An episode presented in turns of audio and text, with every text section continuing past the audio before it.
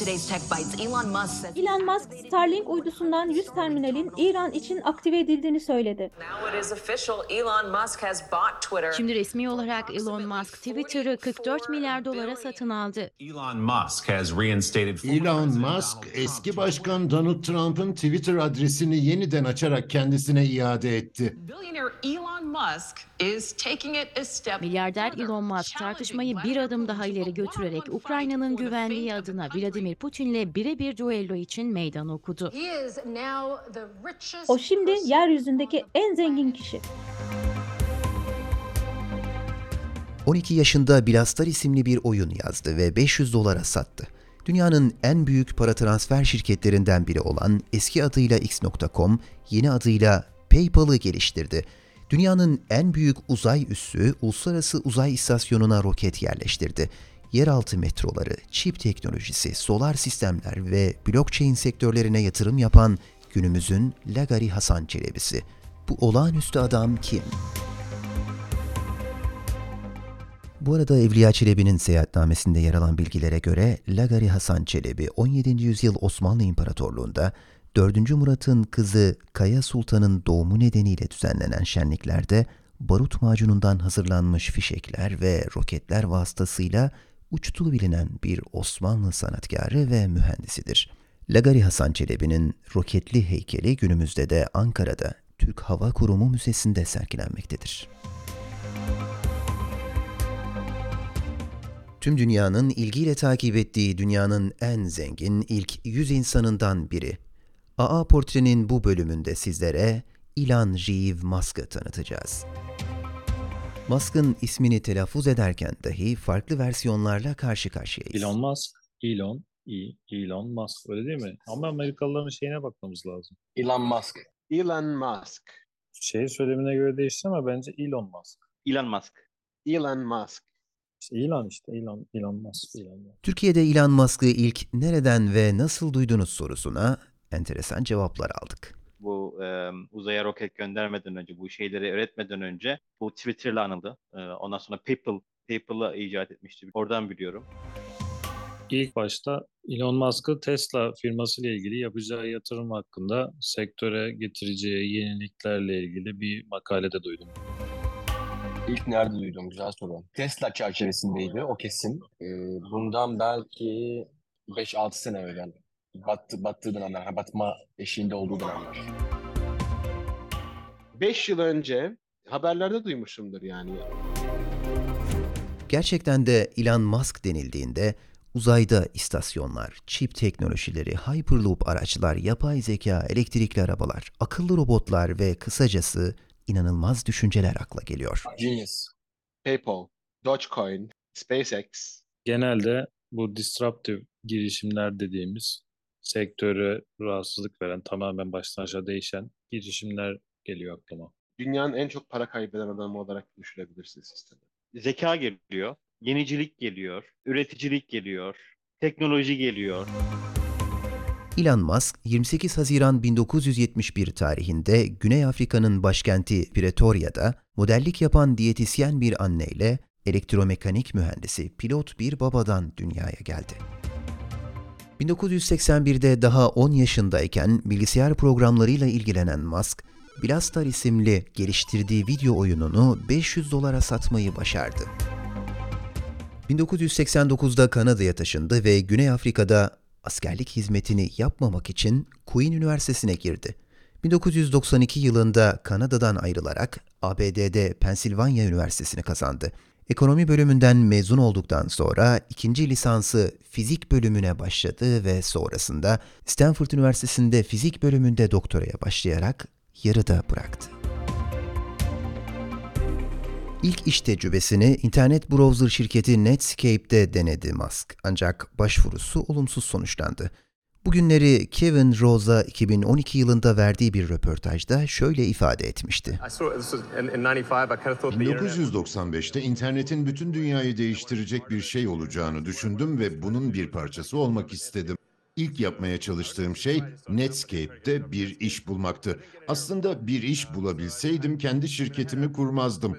Netscape'den cevap alamadım. Yani Wharton'dan fizik ve ekonomi veya fizik ve işletme derecem vardı ve yüksek lisans yapıyordum. Sanırım bilgisayar mühendisi olmadığımı veya birkaç yıl yazılım şirketinde tecrübemin olmadığını biliyorsunuzdur. Netscape'den yanıt alamadım ve aslında şirketin lobisinde biraz takıldım. Ancak hiç kimseyle konuşamayacak kadar çok utangaçtım ve sadece lobide ders çalıştım. Uh, but I was I was too shy to talk to anyone, so I was just like studying in the lobby. Um, Bu sırada kardeşi Kimball ve Greg Curry ile Zip2 isimli ilk şirketini kurdu. Bu şirketle birlikte gazetelere online şehir rehberliği yazılımı geliştirdi. Musk'ın Zip2 şirketi bilgisayar donanımı ve yazılım şirketi Compaq tarafından 307 milyon dolara satın alındı ve Musk hayatının dönüm noktası olan daha sonra PayPal olarak tanıyacağımız X.com şirketini 100 milyon değerlemeyle inşa etti. X.com 200 ülkede aktif olarak kullanılabilen online banka işlemleri şirketi. Bence X.com kesinlikle milyarlarca dolarlık bir kazanç kaynağı olabilir. Çünkü bu endüstriye baktığınızda dünya ekonomisindeki en büyük sektör olma yolunda ilerliyor. 2000 yılında Elon Musk ilk evliliğini Kanadalı yazar Justin Wilson'la yaparak Wilson'dan 6 çocuğu oldu. Eşiyle birlikte McLaren F1 aldığında verdiği röportaj o günlere damgasını vurmuştu. Musk Iron Man filminde bir restoranda kısa bir rolde aldı. Mr. Musk, how are you? congratulations on the promotion. Thank you very much. Thank you. Those Merlin engines are fantastic. Thank you. Yeah, good idea for an electric jet. Dünyanın en büyük online alışveriş şirketi eBay, Musk'ın PayPal'ını 2002 yılında 1,5 milyar dolara satın aldı ve Musk'ın eline bu satın alımdan 165 milyon dolar geçti. Musk daha üniversite yıllarındayken insanlığın geleceği için en etkili 3 sektör belirlemişti zihninde. Üniversiteden mezun olduğumda insanlığın geleceğini en çok etkileyeceğini düşündüğüm üç alan vardı.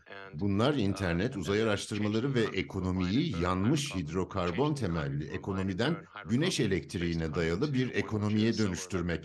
Yani enerji ve enerjinin transferi.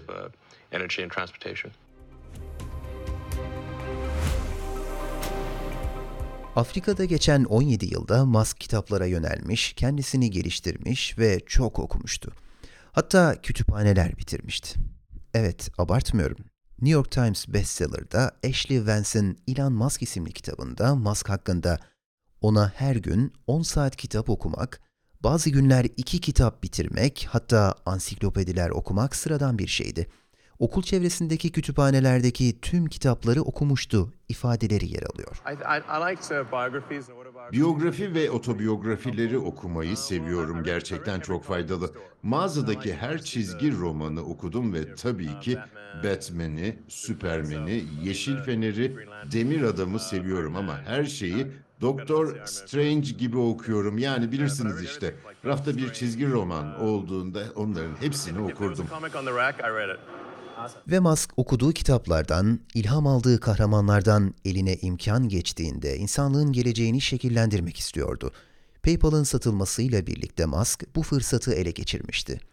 Musk'ın elinde artık 165 milyon dolar bulunuyordu. Bunun 100 milyon dolarıyla uzay keşfi ve teknolojilerine yani yeni kurduğu SpaceX'e, 70 milyonuyla elektrikli araç sektörüne yani Tesla Motors'a ve geriye kalan 10 milyon dolarıyla da solar enerji sistemleri şirketi Solar City'ye yatırım yaptı.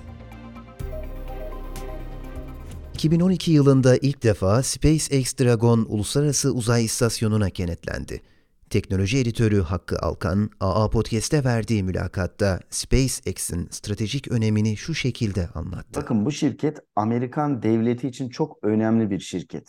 Amerika'dan inanılmaz büyük ihaleleri almış ve Amerika'dan sadece hani parayı almış demek doğru olmaz. Amerika'ya çok şey kazandırmış bir şirket. Nedir bu olay? Roket kullanılıyor, yere iniyor, tekrar kullanılabiliyor. Bütün ipucu bu tekrar kullanılabilir roketler üzerinden uzay taşımacılığı yapmak lojistik hizmet sağlamak. SpaceX firmasının en büyük avantajı buydu. Ve bu Amerika'ya çok büyük değer kazandırdı. Ee, daha önceden NASA'nın e, çok çok çok fazla milyarlarca dolar harcamış olduğu operasyonlar milyon dolarlar seviyesine inmiş durumda şimdi. 2014 yılında dünyada ilk defa Tesla, kendi kendine sürüş yeteneği olan Tesla otomatik pilotu tanıttı. 2016 yılında Elon Musk, beyinlerle makineler arasında iletişim kurabilmek amacıyla Neuralink şirketini kurarak çip teknolojisi sektörüne adım attı. Neuralink dediğimiz proje e, aslında hissettiklerimizi dijitalleştiren ya da dijital bir girişi hislerimize aktaran e, bir ağ, yapay bir ağdan bahsediyoruz. Yani bizim hissettiklerimizi bilgisayara aktarabiliyor. E, bilgisayar üzerinden de istediğimiz bir hissi beyne teslim edebiliyoruz. Yani şunu isteyebilirsiniz günün sonunda. Ben bu ay 100 dolar ödeyeceğim, bana 100 dolarlık mutluluk ver. Çünkü beyinde o hormonu salgılaması için gerekli olan dijital input'u girişi bu sistem üzerinden yapılabilir. Son yıllarda blockchain dünyasında piyasaları etkileme gücüne sahip olan Musk, Dogecoin'e olan desteğiyle gündem olmuştu. 2021 yılında sermayesini 15 milyar dolara çıkartan Tesla şirketi, bu nakit paranın 1.5 milyar dolarıyla 48 bin adet Bitcoin alarak dijital varlıklara yatırım yaptı. 2021'in Mart ayında Tesla'nın Bitcoin ile alınıp satılabilmesinin yolunu açan Musk, dijital paralarla da bir hayli ilgili. Frankly. Evet açıkçası temelde Doge'u destekliyorum çünkü Doge'un tıpkı memes ve köpek paylaşımları gibi olduğunu düşünüyorum ve bir mizah anlayışı var. Kendini fazla ciddiye almıyor gibi görünüyor. Musk'ın insanlığın geleceği konusunda farklı fikirleri var. İnsanlığın doğal düzeni değiştirdiğini ve bu düzeni yeniden inşa etmenin insanlığın elinde olduğunu düşünüyor. Birçok insanın gelecek hakkında kötümser olduğunu, kıyamet günü düşüncesinde olduğunu ancak kendisinin iyimser baktığını ve rahat davranmak yerine temkinli ve tedbirli olmak istediğini söylüyor. Bu nedenle de geleceği şekillendirecek sektörlere yönelik yatırımlar yapıyor. Sizi şaşırtacak şekilde ben kıyamet günü insanlarından değilim. Aslında iyi bir yolda olduğumuzu düşünüyorum. Ama aynı zamanda kayıtsızlığa karşı da uyarmak istiyorum. Yeter ki rehavete kapılmayalım. İklim değişikliği ve dünyanın sonu hakkında endişeli olan Musk, bu nedenle güneş enerjisi sistemleri üzerine bir şirket satın aldı. Solar City şirketi ABD'de konutlar ve ticari kullanım için güneş panelleri pazarlayan, üreten ve uygulamasını yapan bir enerji şirketi. 2016 yılında şirket Tesla Motors'la birleşti ve şimdi Tesla aracılığıyla enerji depolama hizmetleri sunmaya başladı.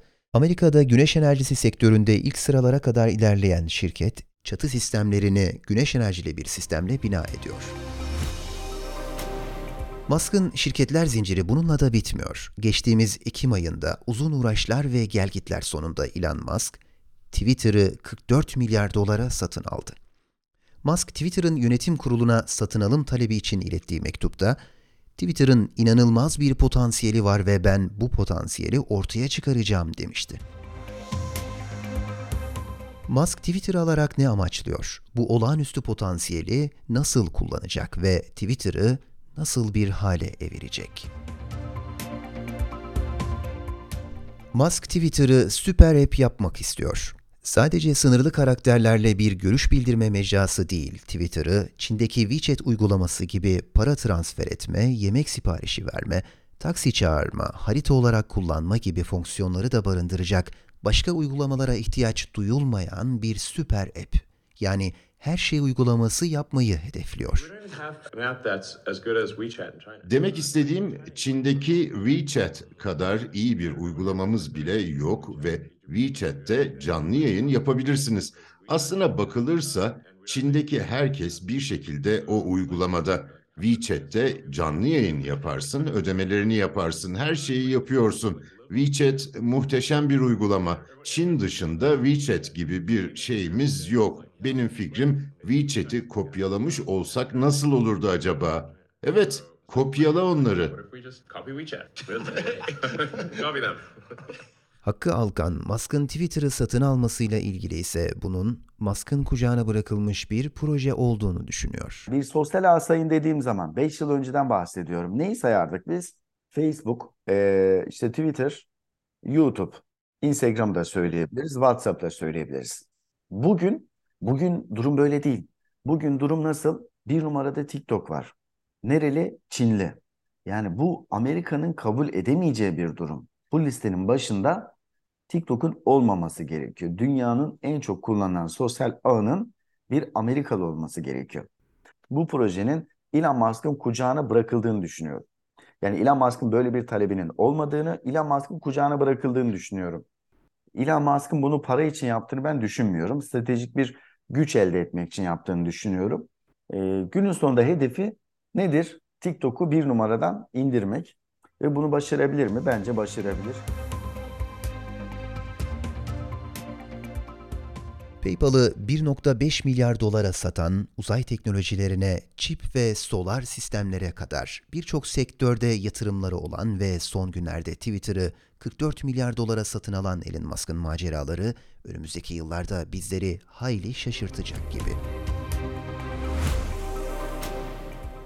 The, the future's going to be great. Gelecek harika olacak. Onun hakkında endişelenme. Endişelenme demek istiyorum. Çünkü bunun için endişelenirsen kendi kendini gerçekleştiremeyen bir kehanete dönüşür. AA Portre'nin bu bölümünde Elon Musk'ı sizlere tanıtmaya çalıştık. Bizi hangi mecrada dinliyorsanız abone olmayı ve takip etmeyi unutmayın. Hoşçakalın.